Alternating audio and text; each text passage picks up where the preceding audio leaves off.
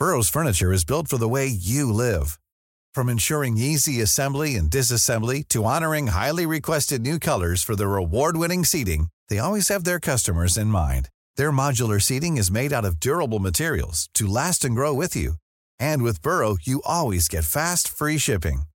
Get up to 60% off during Burrow's Memorial Day sale at burrow.com slash ACAST. That's burrow.com slash ACAST. burrow.com slash ACAST. Hey, I'm Ryan Reynolds. At Mint Mobile, we like to do the opposite of what Big Wireless does. They charge you a lot, we charge you a little. So naturally, when they announced they'd be raising their prices due to inflation, we decided to deflate our prices due to not hating you.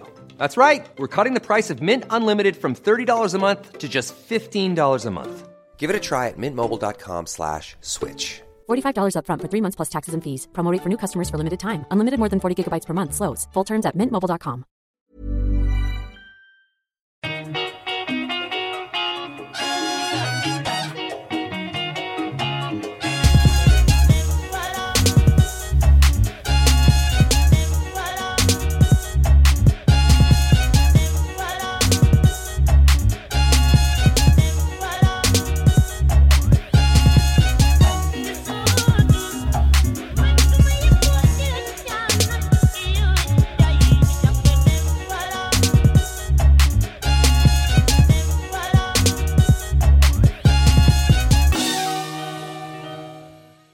Du lyssnar på Svart historia med mig, Amat Levin och den andra delen i dubbelavsnittet om kriget i Tigray med Judith Kiros och Samuel Girma.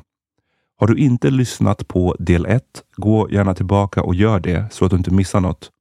I det avsnittet pratade vi bland annat om bakgrunden till kriget, Eritreas inblandning, det skakiga fredsfördraget och den etiopiska statens motstånd mot FNs granskning av krigsbrott. Nu i del två pratar vi bland annat om hur de som kritiserat Etiopiens regering för det här kriget har anklagats för att gå västvärldens ärenden och hur kriget har varit för Judith och Samuel på ett mer personligt plan. Vi pratar också om hur kriget påverkat norra Etiopiens fullkomligt uråldriga kulturarv, frågar oss om en permanent lösning är möjlig och vad den i så fall kommer att kräva. Nu kommer alltså del två.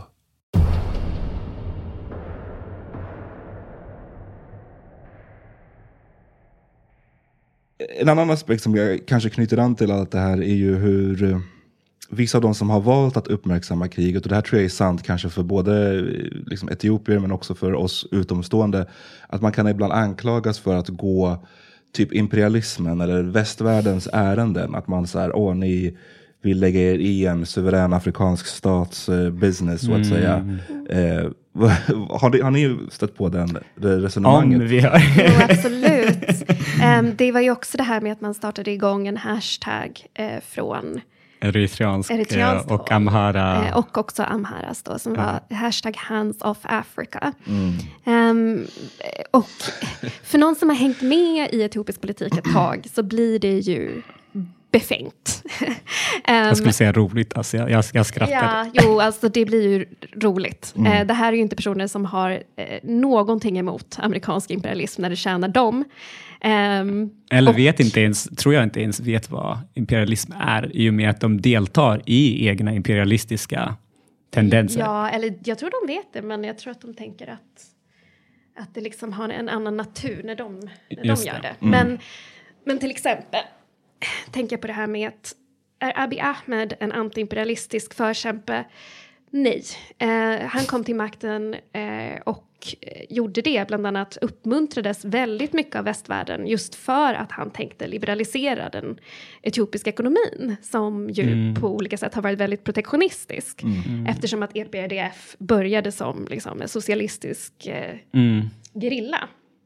Eh, och då har man liksom bland annat telenätet, eh, tillhör staten och så vidare. Han sa nej, jag tänker sälja ut alla de här sakerna. Han blev väldigt uppvaktad eh, av amerikanska diplomater som sa så tack gud att det kommer någon nu som kan liksom göra sig av med de här eh, föråldrade marxistiska principerna. Eh, han pratade om liksom kapitalismen som, som eh, Etiopiens eh, största hopp då. Eh, och, liksom gjorde det då inför många politiska ledare. Ehm, jag tror det var på Davos kanske. Ja, jo, det var det. ja, och där på Davos då, tänkte jag så här, bland, om det finns här, några som är liksom så imperialistiska beskyddare så är det liksom International Monetary Fund, alltså EMF, Världsbank, som ja, då ja. blev så glada och bara nu ska vi pour in billions of dollars to the savior. Och det har också varit, tänker jag, en total förvirring från, från Abiy Ahmeds håll i relation till den här Hands of Africa. För å ena sidan så sitter han och säger så, nej, låt oss hantera våra problem. Eh, Men å andra sidan så eh, läser jag en, en liksom genomgående profil, intervju som finns i, vad var det, New York Times, där han säger så här, jag älskar Amerika, jag skulle dö för Amerika. Eh, han säger också att, eh, vad har vi att erbjuda resten av världen, vi etiopier? Jo, vi har märkt att, ni, att i väst så, så verkar ni bry er om väldigt mycket ifall liksom era barn dör. Men det gör inte vi, så vi kan eh, till exempel eh, komma med soldater. Vi kan liksom...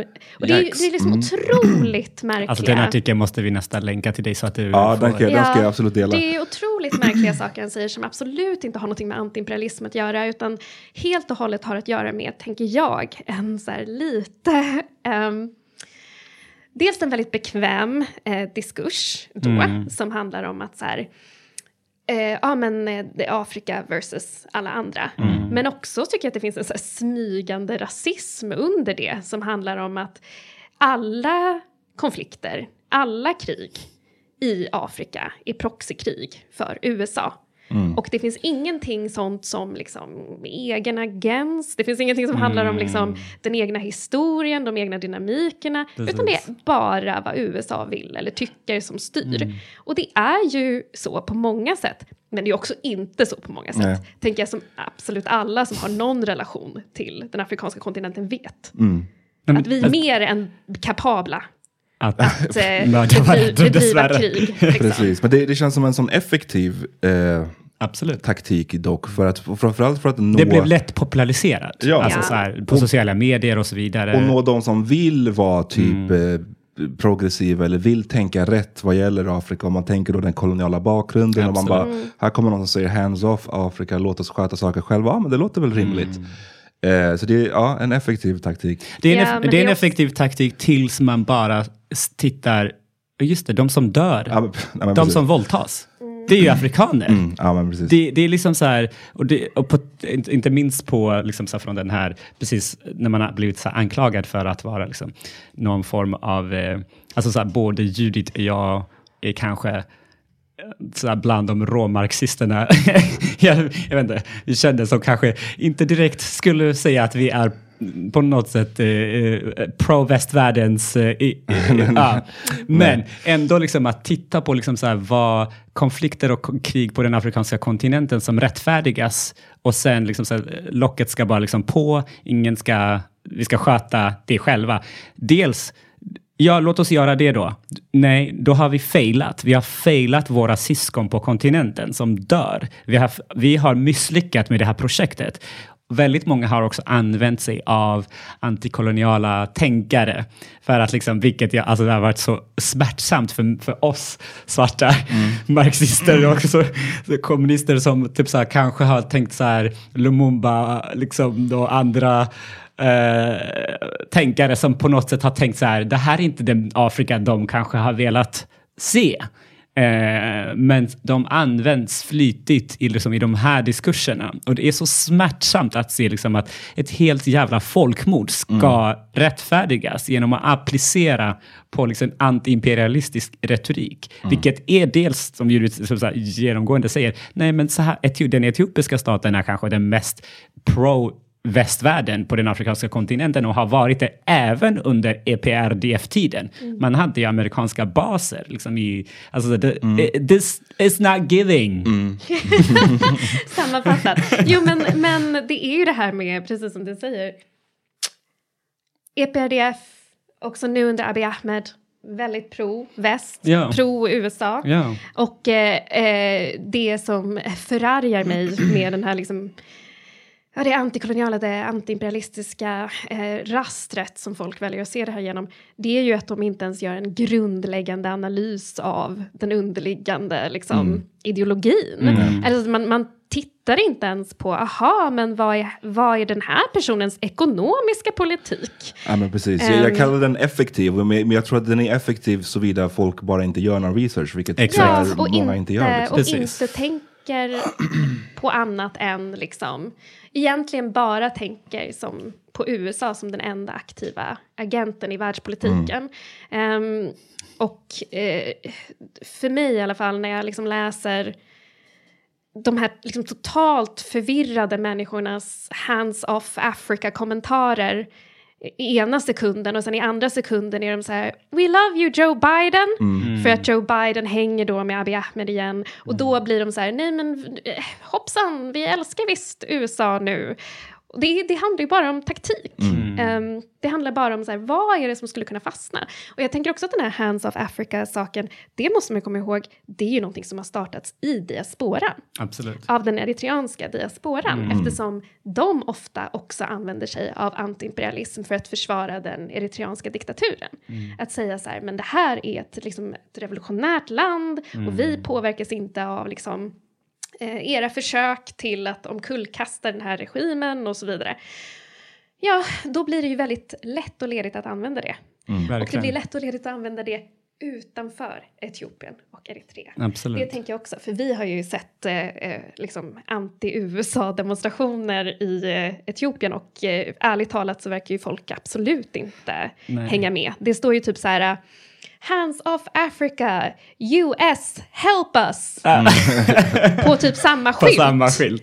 Det är skitroligt. Nej, men det är också typ så här, det är det inte är- en alltså, det är- anti-imperialismen som en global liksom, så här, diskurs, alltså, så här, nu har vi sagt det tre gånger, typ så här, det är ju enkelt för att man inte behöver göra research. Och att det är effektivt, Ja. det är effektivt i väst. I väst, precis. Och det, när det inte blir effektivt i väst så är det effektivt för att till exempel nu, om man tänker sig Ukraina, eh, Rysslands invasion av Ukraina. Två liksom så här helt suveräna stater, den ena liksom så här stormakt invaderar och försöker liksom ta över, liksom införliva ett imperium.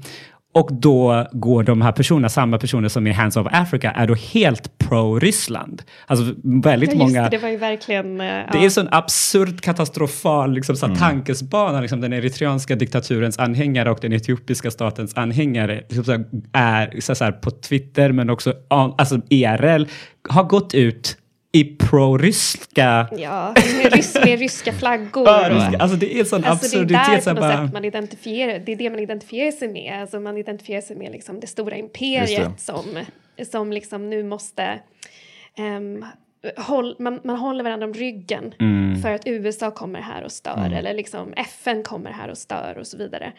Eh, och det är också, Eritrea har ju också liksom röstat mot ehm, Just det. Re, Ja. Precis, Re, resolutioner i FN två gånger nu som liksom så fördömandet av eh, invasionen. av Ukraina och Av Ukraina. eh, Etiopien har lagt ner sina röster. Så hur har... Fegisar. Vi pratade lite om det här med mediebevakningen och den har varit eh, dålig eh, i Sverige framförallt. Och eh, jag ser ju mycket att det, det brukar oftast liksom mm, man hänvisar till någon slags närhetsprincip. Att det här är ju borta i Afrika. Det är också det här som vi varit inne på att det är en oöverblickbar konflikt framställs det som. Ja. Eh, Men just det här med närhetsprincipen, när man pratar om det idag så stör jag ju mig så mycket på att man tar ju inte in då, om man ska utgå, vi lå- låtsas som att närhetsprincipen är det som styr. Då tar vi ju heller inte in hur många eh, vi har idag i Sverige som har typ etiopisk bakgrund. Ja. Och som det här kriget är ju jätte, jättenära, närvarande. Så att, hur, hur har det på ett mer så personligt plan, hur har det varit för er under de här två åren? Jag kan, tanken på att behöva fungera som en vanlig människa samtidigt som det här pågår, jag har svårt att få ihop det.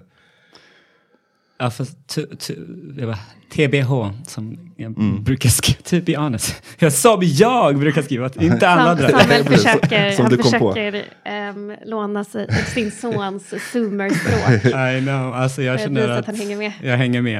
Eh, I am. Nej, men det, det har varit såklart så personligt alltså, fruktansvärt. Alltså, så här, man har känt så här, en form av uppgivenhet, besvikelse flera gånger. Liksom så här, eh, jag tror att eh, det finns inget så här, för mig, den känslan av hopplöshet är liksom det värsta jag vet och jag tror de flesta också skulle hålla med. Att det har, så stundvis har det varit det. Som tur så har jag liksom kamrater omkring mm. mig som också så här, vi stöttar varandra och så vidare.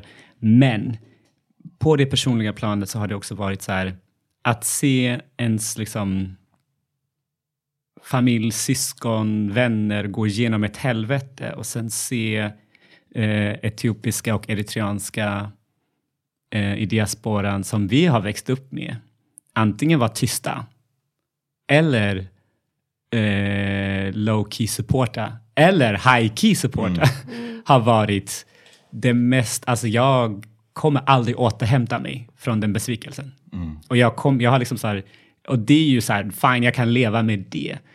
Jag hoppas de kan leva med sig själva.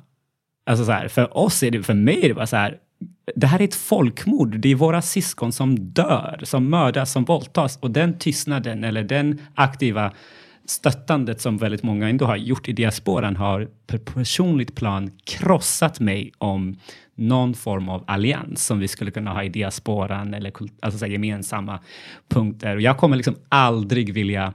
Jag, brukar, alltså jag har sagt det flera gånger typ så här, tidigare, du vet så här, när man ser så här, när jag brukade se Habesh på liksom så här, randomly på stan eller på tåget. Eller man gör en nick eller man, man, man typ acknowledge each mm. other. Numera är jag så här död och bara så här, jag, jag, vet inte om du har stöttat ett folkmord eller inte. Jag har shut down vibes. Och det är så här, det är symptomen på hur jag mår.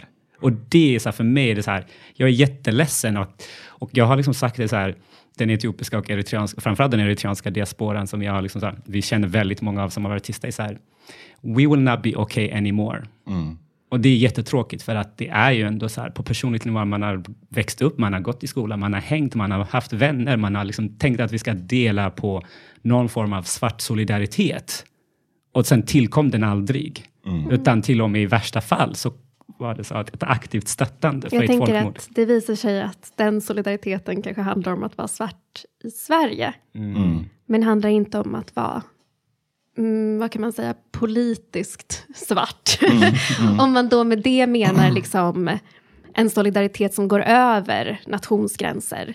Jag kan personligen inte tänka mig att jag någonsin skulle känna så starkt för en regim um, att jag inte skulle kunna stötta de som gör motstånd mot att krossas av mm. den. Mm. Alltså det, det, kan, jag kan inte tänka mig det. Mm. Och jag skulle säga att upplevelsen av liksom hela den här perioden har ju varit eh, bizarr på många sätt. Det har varit jättemärkligt. För att det har ju varit att man har gått runt i en vardag i Sverige med tankar på vad som händer någon helt annanstans som också är helt osynliga för människorna runt omkring en. Mm. Det är inte som att man kan säga så här, jag har förlorat någon. Eh, och folk kan vara så, jag beklagar. Utan det är ju, jag förlorar hela tiden saker. Och inte bara jag, utan alla omkring mig, alla jag bryr mig om. Eh, går runt och känner den här massiva förlusten, alltså som att blöda från ett osynligt sår. Jag kommer ihåg typ en dag, vi blev kontakt, jag och min man blev kontaktade av eh, min kusin eh, Tehesh som berättade att, ju, att liksom en massaker hade skett i liksom hennes hemby då.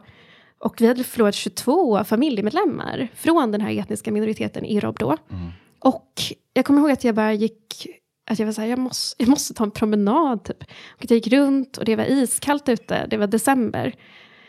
Eller januari och eh, jag tänkte på något sätt, vem kan jag prata med? Eller hur ska jag kunna är det här någonting som ens går att bearbeta? Eller är det någonting som man bara måste acceptera? Liksom? Är det någonting som...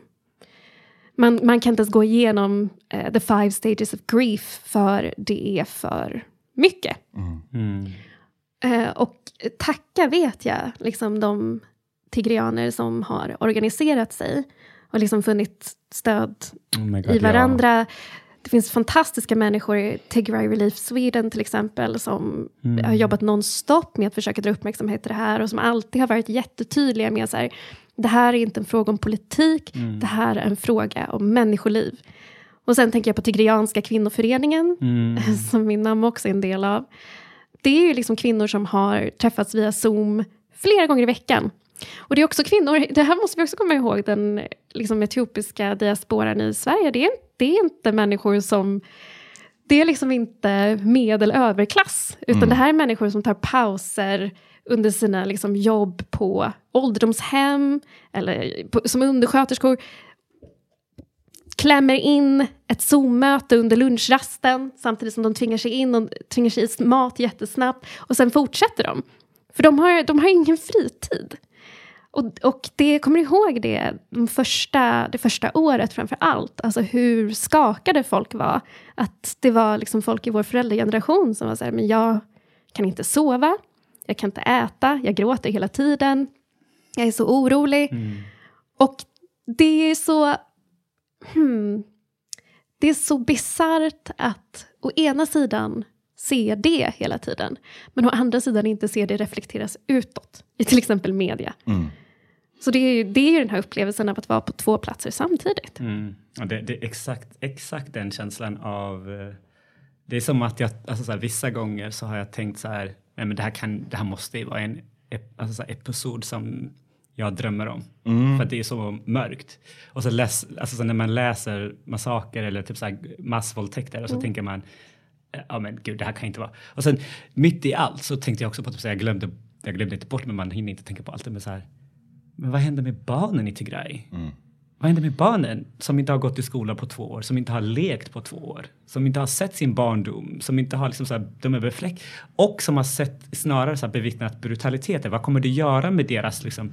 Jag, alltså jag växte upp i post eh, kriget i Etiopien. Jag minns vad det... Alltså, jag var ändå ganska lycklig lottad. Jag hade fantastisk mormor.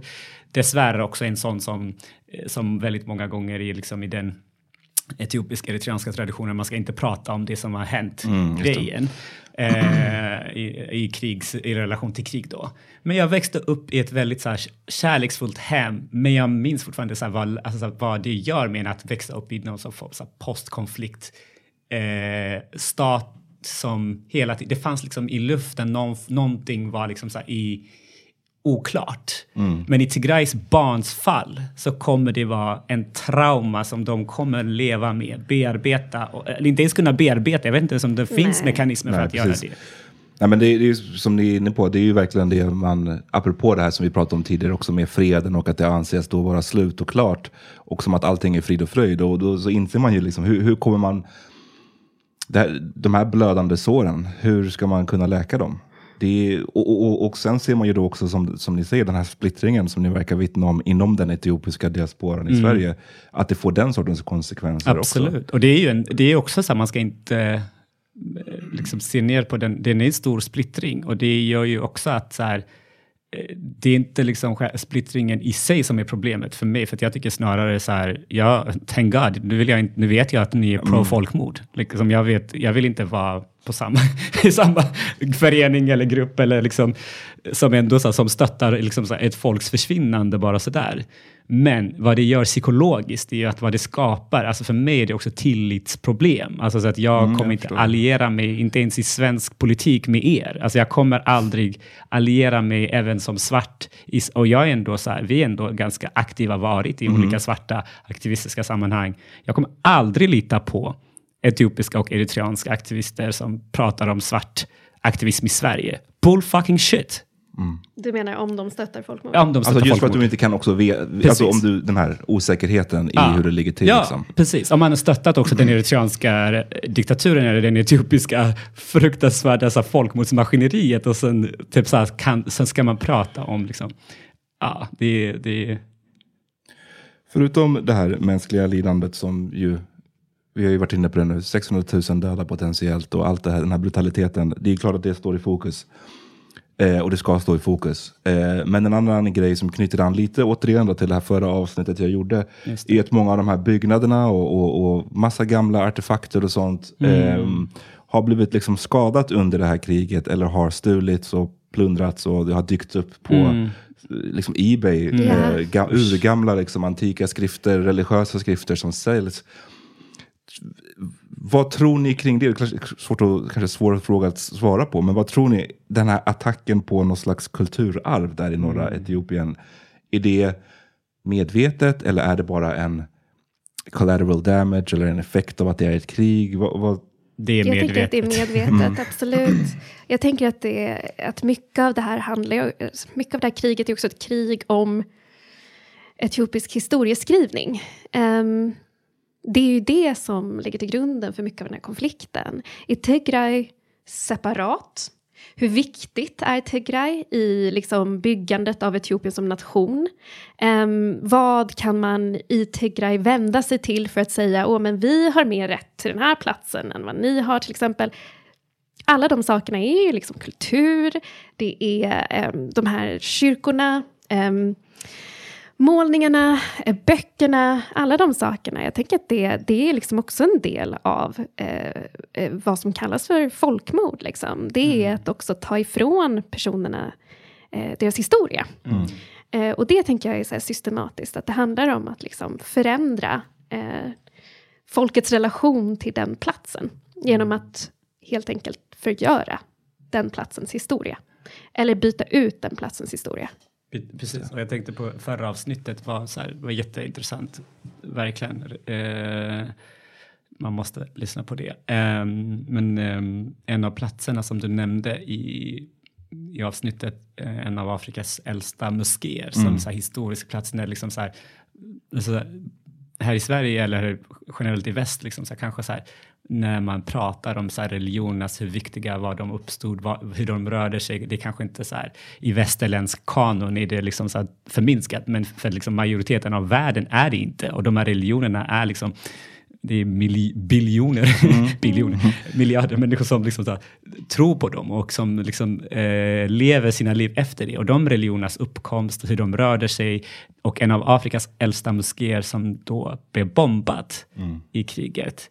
Eh, det var liksom så här, det är inte collateral damage, det är ju såklart ett medvetet liksom så här, nej men här ligger historiskt, man, oftast, även i krig ska vi komma ihåg, även i brutala, brutala krig, in, alltså det enda, sen senaste decenniet, det enda som eh, inte har lytt eh, lagen om den här, så här i folkrätt, att man inte ska förstöra eh, liksom, det historiska arv, det är ju Isis. Det är ju liksom så här, som har förstört medvetet liksom, så här, flera så här, moskéer eller tidigare an, alltså, andra religiösa platser. Alltså, så här, Isis har ju verkligen förstört medvetet historiska arv. Medan andra konflikter och krig så är det liksom så här, du får inte bomba de här Unesco, du får, det, det, är så här, det finns föredrag om det. Vi var, det men Eritrea och Etiopien, de har ju så medvetet alltså så här, gjort detta för att radera Tigrays historia. För ti- det är också så här, i den, precis som du nämnde, i den etiopiska så här, historieskrivningen som det så här, finns mellan framförallt Amhara och Tigray, liksom så här, den här, vem, kom, vem är mer det. berättigad till the story of Ethiopia? Liksom. Har det Vem är mer berättigad att styra? att styra. Och det, det är ju såklart, och från Eritreas håll är det ju så här, ja men vi raderar Tigrays historia, så kan vi vara de enda som har de här grejerna. De här, liksom så här historiska elementen av den här expansiva liksom, riket som till exempel Axum har varit. Så det är inte ett eh, collateral damage, snarare ett medvetet. För mig som jobbar med konst och eh, olika eh, praktiker av det, så har det att se vissa av de här föremålen på Ebay har varit Nej, men det är, sjukt. Det är sinnes och jag tror att många kanske så lite slentrianmässigt först kan anta att men det här spelar väl inte så stor roll. Vi måste fokusera på att människor faktiskt dör. Och det är klart, men samtidigt så det här är ju jätte, det är ju vilka vi är på något Ja, sätt också. Det ja, spelar ju en stor, en stor roll och vi kan ju faktiskt se lite av det där också ske i Ukraina och Ja, Ryssland. att absolut. eh, ryssarna faktiskt också medvetet verkar vilja ta bort och radera saker som gör den ukrainska identiteten starkare. Verkligen. Absolut. Och där, var det, där hade det varit också så här jätte, vilket jag alltså, tyckte var så bra projekt med Ukraina, alltså från internationell håll. Unesco, som har identifierat hur många platser, hur många alltså, så, eh, olika så här, sk- eh, viktiga dokument eller konst som har liksom så här förstörts och bestulits. Och det är så här, det är sån viktig grej att alltså, Unesco kan göra till exempel för Tigray. Så här, vad har försvunnit?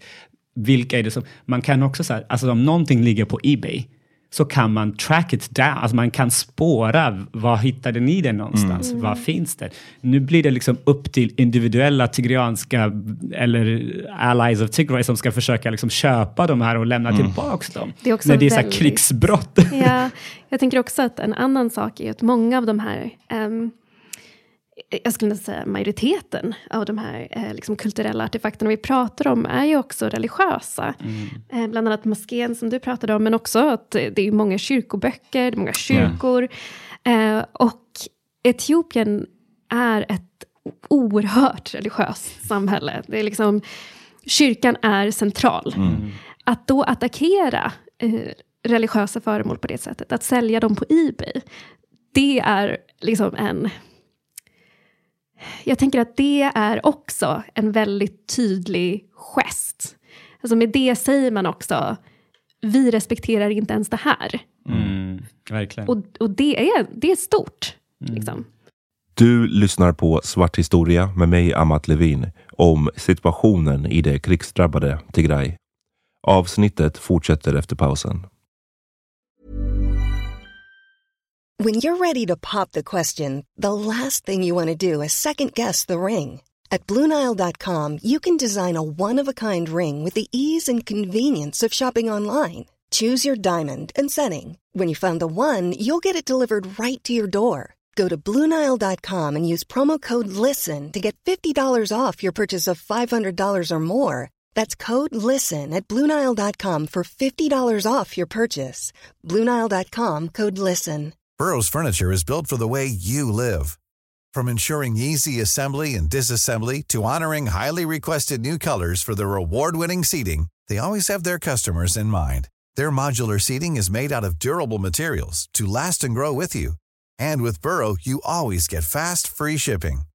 Get up to 60% off during Burrow's Memorial Day sale at burrow.com slash ACAST. That's burrow.com slash ACAST. burrow.com slash ACAST. Kom ihåg att du som vanligt kan slippa de här reklamavbrotten genom att bli en prenumerant på patreon.com svarthistoria. Nu fortsätter vi. Och vad har kyrkans roll varit, eller svar på det här varit? Kan ni veta någonting om det? För den verkar lite, av, det, av det jag sett verkar det vara lite, jag vet inte, shaky. Det är ju Eh, lite shaky ja. alltså. Det är lite... Eh, nej, men, nej men alltså kyrkan eh, har ju i, stort stöttat kriget. Eh, de har ju, liksom, det är ju präster som Alltså den etiopiska... öppet ja, har välsignat, har, den etiopiska ortodoxa kyrkan precis, har väl, öpp, präster har öppet välsignat vapen och, och eh, liksom... ehm, Can you imagine att så här, välsignad vare du vapen Ja, som men ska döda. soldater, Välsignat- välsignat Abiy Ahmed och liksom Man har haft hans kamp böner i det här. på, eh, liksom, eh, där på krings, alltså så vid fronter. Man har liksom haft så här, de har gått dit, etiopiska ortodoxa präster, stått där Mm. och hållit liksom, nu skickar vi styrkor, eh, styrka till er från Gud som skyddar er.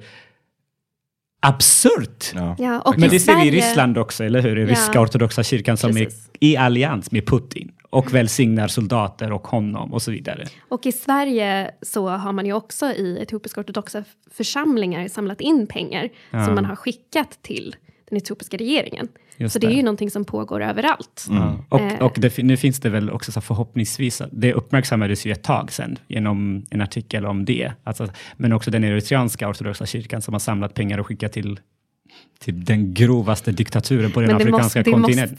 Det är, så, det är som ett skämt. Men, Ja, men- hur, ja. hur går det ihop då för de som lyssnar på det här och tänker att å ena sidan så kyrkor attackeras, det sker massakrer i kyrkor där folk har sökt skydd, eh, Mm. otroligt religiösa föremål eh, plundras och säljs. Hur kan man då samtidigt stötta det från, som, som kyrkan?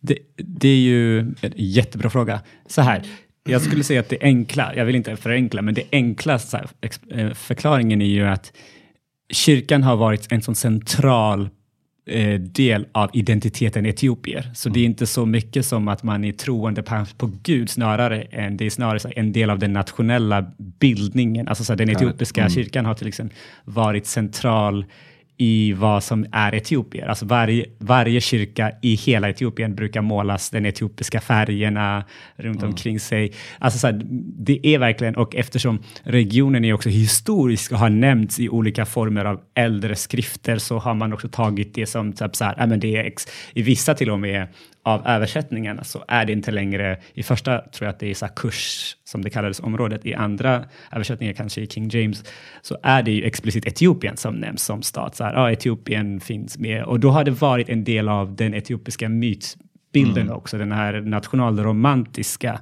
nationaliseringen. Så det, går hand, det är lätt att det går hand i hand när, det, när kyrkan är lika stor, om inte större faktiskt, än staten som, den myt, alltså som, som bildar den etiopiska nationella identiteten. Jag tänker att det är lite som den där Ebba Grön-låten, Staten och kapitalet, fast istället är det staten och kyrkan Kyrka, ja. som sitter i samma båt. Som ni alla hör så är Judith en då nörd. blir, ju också, ja, men då blir det ju också nationalism Ja. att stötta kyrkan. Ja, Och exakt. Och det ju blir det. religion att stötta staten. Mm, Så då, då kan man legitimera Och varje eh, det. så här, fram tills, framförallt fram tills liksom Haile Selassie, så har det ju varit nästan typ så här, eh, man är sänd av Gud, alltså varje regim, eller vad heter det? Solomoniska dynastin. Ja, eller vad? precis, Varje precis. kejsare. Ja, och det har, då har liksom kyrkan varit den som har liksom så här befäst. Och när liksom Etiopien expanderade så gjorde man det genom kyrkan. Alltså så att till exempel södra Etiopien hade absolut inget att göra med den etiopiska ortodoxa kyrkan. De hade sina egna religiösa praktiker som inte ens var kristen, utan de hade liksom andra former av eh, tron. Men sen som konverterade då, då ganska mycket genom eh, tvång. Eh, så, det, så det är enkelt att vara, alltså det är väldigt enkelt att andå som kyrka. Jag tänker det är samma sak till exempel i den ryska identiteten, att man är ortodox, man, är liksom, man har det lätt tillgängligt, det blir en del av ens världsbild om så det är, dessvärre handlar inte så mycket om tron på en högre makt Jag som en eh, epos, liksom, eh, ja, Jag tänker också på det här med att, ehm, etos, inte epos. ja, med att eh, den tigrianska delen av kyrkan ju har tagit avstånd från Den eh, etiopiska. den etiopiska ortodoxa eh, i sin helhet. Då. Och det som på något sätt blir intressant med det är ju att så här, från Abiy Ahmeds håll, från liksom Amharas håll, eh, liksom, då menar jag då eh, amhariska nationalister och så, då menar man ju på något sätt att Tigray försöker förstöra Etiopien. Eh, försöker bryta sönder och samman det vi en gång hade, den, den enhetlighet som Vilket man fanns där. explicit säger. Vilket man explicit säger. Och då blir ju också det här med att man har på något sätt, eh, och det har man ju inte gjort, men att man framställs som att man har vänt sig från Etiopien. Det blir ju också ett sätt att vända sig från kyrkan. Precis. Och då blir det ju liksom på något sätt så här, men det vi måste göra är att eh, inlämna dem igen. Vi måste liksom visa dem rätt väg igen. Just Och det. då kan det legitimera det här eh, som vi gör. Om man ska börja avrunda det, ehm, så tänker jag kring liksom, i framtiden då. I, i, känns det realistiskt med ett enat Etiopien efter det här? Åh, vilken svår fråga. Det är jättesvårt. Alltså, Nej, nej, det är alltså svårt i den bemärkelsen, alltså för mig är svaret ganska enkelt, men svårt att liksom försöka kom, eh, eh, ge liksom ett bra svar. Men eh, för mig är det ett nej personligen. Och det är inte kanske heller ett självständigt Tigray, utan det är snarare, jag sak, så här, så här, nu ska jag svara på det här. Eh, I och med att den moderna Etiopiens historia har tillkommit på samma sätt som liksom så här kolonialismens gränsdragningar. Alltså så här, mm, även den europeiska statsbildningen har ju så så skiftat. Alltså så här, herregud, hur staterna har uppkommit, Mm, ja. hur imperierna har liksom kommit och försvunnit. Så inget är nytt under solen och den, den, det format vi har just nu är inte för evigt. Det kan förändras. Så för mig, min, min förhoppning är ju att mer autonoma regioner kan tillkomma framöver av det här. Eh, där eh, det kommer tvinga kanske central, alltså nu har ju centralmakten på något sätt så för hand, eller vad heter det, försprång på grund av man har bokstavligen folk, gjort ett folkmord, ett liksom, övergrepp eh, utan dess like för att liksom eh, likvidera och eh, skapa ännu mer Make Ethiopia Great Again-plan. Men jag hoppas att regionerna kommer liksom så här inse så här, ah, men nej, vi vill ha mer autonoma regioner. Sen, sen om det är liksom eh, under paraplyt Etiopien eller inte. Alltså, kom ihåg så här, vi tillämpar kolonialismens efter spel. Alltså så här, vi har en hel region som, alltså så här, i, i, under paraplyt Etiopien som är kapat från resten av Somalia. Mm. Till exempel. Alltså så här, har man frågat, typ så här, oj, är det inte så här, tänk om de vill bestämma själva om de vill vara ett eget land eller joina eh, Somalia. Alltså så, här, det, mm. det, så min dröm skulle ju vara så här, vad vill regionerna återgå till? Skulle det vara möjligt? Det är så folkgrupper längs Etiopien och Eritrea, längs Etiopien och Sudan, som är helt kapade av gränserna. Kanske de kan bestämma själva om de ska styras av alltså, gemensamma eh, regioner. Mm. Vad kan vi se istället för den här att, så för mig är så här, jag är inte intresserad av ett självständigt Tigray som i relation som är ett så nationalistiskt projekt. Mm. Jag är intresserad av ett Tigray som bestämmer själv vad den vill. Vad den, och det vill jag att alla regioner också gör. Så här, vad vill folket? Alltså folkgrupperna som har till, alltså så här, de, det är de som har förlorat mest. Så jag vet inte, jag, den moderna etiopiska projektet är liksom det mest ointressanta som finns för mig och den tillkommande är kanske det här. Jag drömmer om att regionerna ska få mer auto, autonoma bestämmelser och mm. bestämma själva och kanske störta idén om nationalstat överhuvudtaget, vilket jag hoppas. Mm. Även om det är verkligen ett kommunistiskt dröm jag har för kontinenten Afrika. One day. Det är ett annat avsnitt. du då Judith, vad känner du? Uh, nej, men så här kan jag ju säga att Abiy Ahmed uh, is really manifesting mm.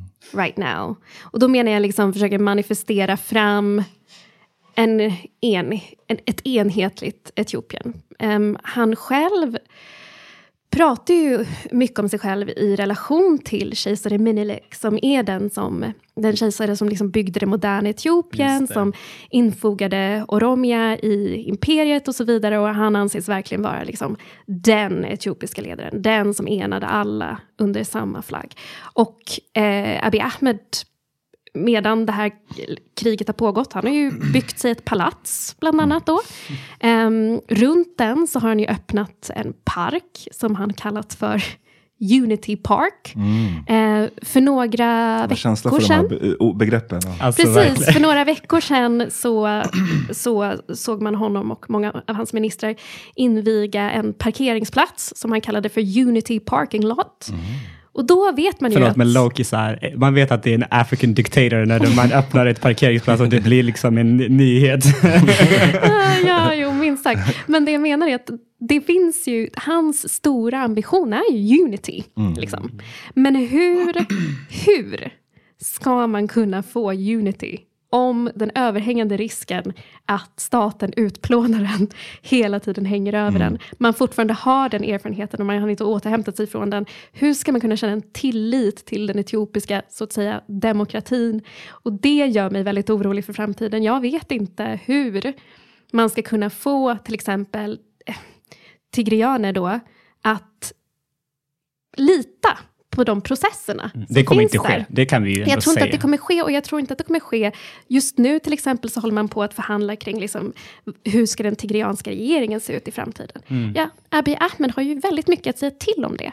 Så hur ska man kunna lita på dem? Mm. Alltså det är alla mm. de här frågorna som kommer upp och precis som Samuel säger, förhoppningen på något sätt är väl liksom en ökad demokratisering. Mm. Men det vi ser just nu är kanske inte det. Och då måste man ju helt enkelt, alltså då måste ju på något sätt vi som står utanför eh, pusha för det. Verkligen. Alltså för att, att, precis som jag tänker att många i den tigranska diasporan gör nu, säger mm. så här, men vi vill ha utredningar, vi vill att folk ska ställas till rätta.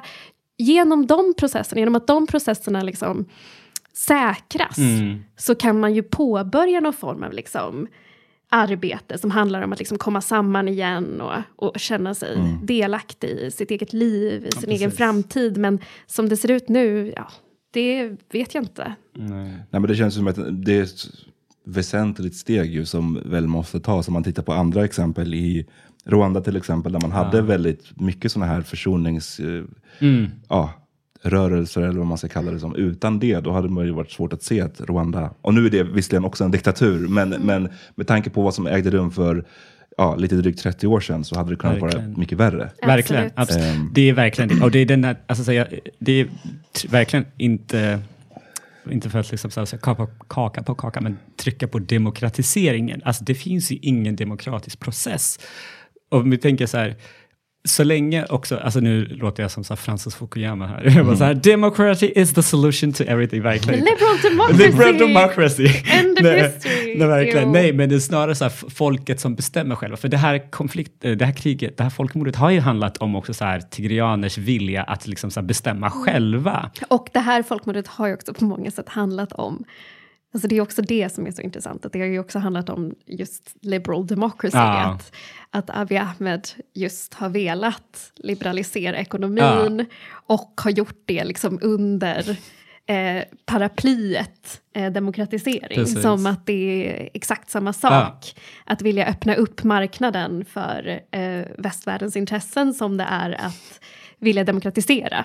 Och de två sakerna är ju inte alls samma sak. Det är Nej. det vi ser nu. Ja. Och det är också det som jag tänker att, tänker att det blir svårt Mm. för eh, många att förstå att det, de två sakerna inte hänger ihop. Och det är därför bland annat folk liksom, wow, när han först dök upp var så, wow, titta, han bryr sig så mycket om demokrati.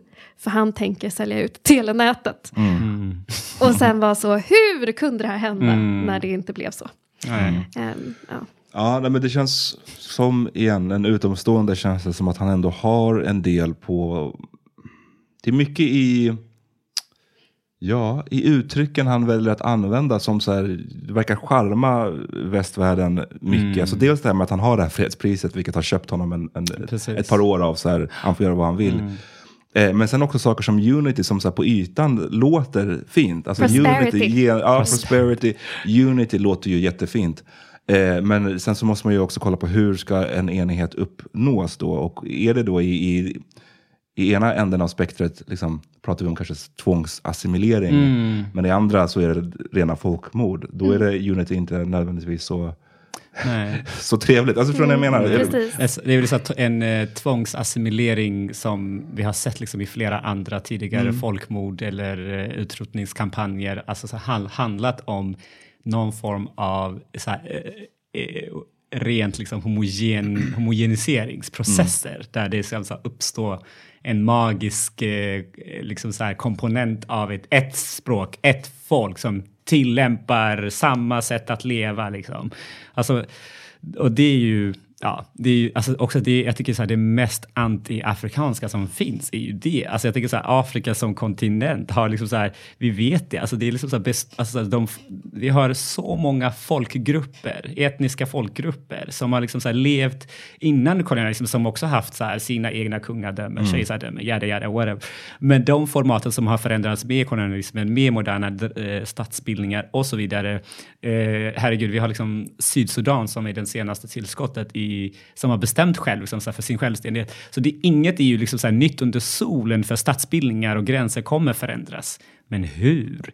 Vilka? Och det är det jag hoppas att Tigray har bidragit till genom att offra sig, låter som jag bara, nej men Tigrays kamp har handlat om, eller för mig, för den etiopiska moderna staten, att det är så här, nej, alltså, ni kan inte tvinga folk att, eh, vad heter det, vara i unity med tvång. Vad kan då gemene man göra? Folk som lyssnar på det här som känner att man vill ändå antingen informera sig mer eller man vill bidra på något sätt. Finns det någonting man kan göra och vad är det i så fall? Alltså det är väl de, vi har sagt en, alltså för att för enkla, det här avsnittet sk- kommer hjälpa förhoppningsvis jättemycket, men det finns också så jättemycket information på Tigray Relief Swedens Instagramkonto. Följ deras arbete. Eh, det är verkligen så här. De har pågående kampanjer och insa insamlingar ja, ehm, som eh, liksom garanterat går till rätt personer. ja, Ehm, de har eh, informationskampanjer. Eh, det finns, de delar också ofta hashtags och så vidare som man kan sprida vidare. Eh, och det jag tycker också är väldigt bra är ju att de konstant delar information Ja. och uppdateringar. Eh, och det tänker jag är en början. Och sen vad gäller liksom att, att informera sig, att vilja hålla sig uppdaterad. ehm, det är ju inte riktigt eh, en resurs som så. Men jag och Samuel är ju tillgängliga. eh, och jag har varit väldigt, eh, åtminstone försökt eh, vara väldigt tillgängliga. Så Alltså vi har, är fett tillgängliga. så jag har varit väldigt eh, uppmuntrande att, att, eh, att man ska ställa frågor till mig. Och så har jag samlat ihop olika länkar och så vidare. Och eh, också lite olika organisationer eh, som jag tänker är bra. Omna Tigray är en annan. Precis. Ehm, och det är ju liksom ehm, organisationer som har skapats under kriget eller ja, och av diasporan. då. Ehm, Ja, men det, det tänker jag är så bra. och också tänker jag, läs brett. Ja. Men läs ehm, inte kommunikationen från liksom etiopisk media, för det tänker jag inte är... Eller den eritreanska diktaturens anhängare. Utan det finns vissa journalister som gör ett, ett jättebra arbete eh, och som har blivit liksom hotade från alla sidor för det. Ehm, ju. Och då, och då det, det är ju, eh, alltså man vill läsa så här, ja, men vad har hänt? Till exempel massaker och sånt. Det finns verkligen så Amnesty International, Human Rights Watch har verkligen så här, läst rapporterna som finns där. Man kan typ söka Tigray så kommer man få det upp. Det finns en väldigt bra rapport eh, om etnisk rensning i västra Tigray som de gjorde, som jag verkligen rekommenderar. Verkligen. Den var ju fruktansvärt att läsa, men jag rekommenderar den. Ja. Okej, nej, men vi avslutar där. Eh, stort, stort tack till Samuel Girma och Judith Kiros. Tack så mycket för att ni kom hit och delade med er av all er kunskap kring det här ämnet. Tack, så mycket för att vi fick vara här. Och att vi är de första gästerna i, i podden. Det är helt Ja, sjukt. förhoppningsvis så gav det dig mer smak. Ja, ja absolut. absolut. Eller? Nej, men, det, jo, jo. Nej, men absolut. Jag tyckte det här var, det var superbra. Som sagt, jag, jag, min känsla är ju, som jag tror jag nämnde i början, att, att folk tror att det här är över och att det är, nu är det frid och fröjd. Och det, vi ser ju att det är inte det. Och eh, Nej, men, tusen tack verkligen. tack att ni kom. Tack. Igen, stort, stort tack till Judith Kiros och Samuel Girma som tog sig tiden att informera mig och er om kriget i Tigray. Jag kommer att fortsätta följa utvecklingen i Etiopien och vi kommer säkert få skäl att prata om det här mer i framtiden. Nästa vecka är jag tillbaka med ett nytt avsnitt. Vi hörs då.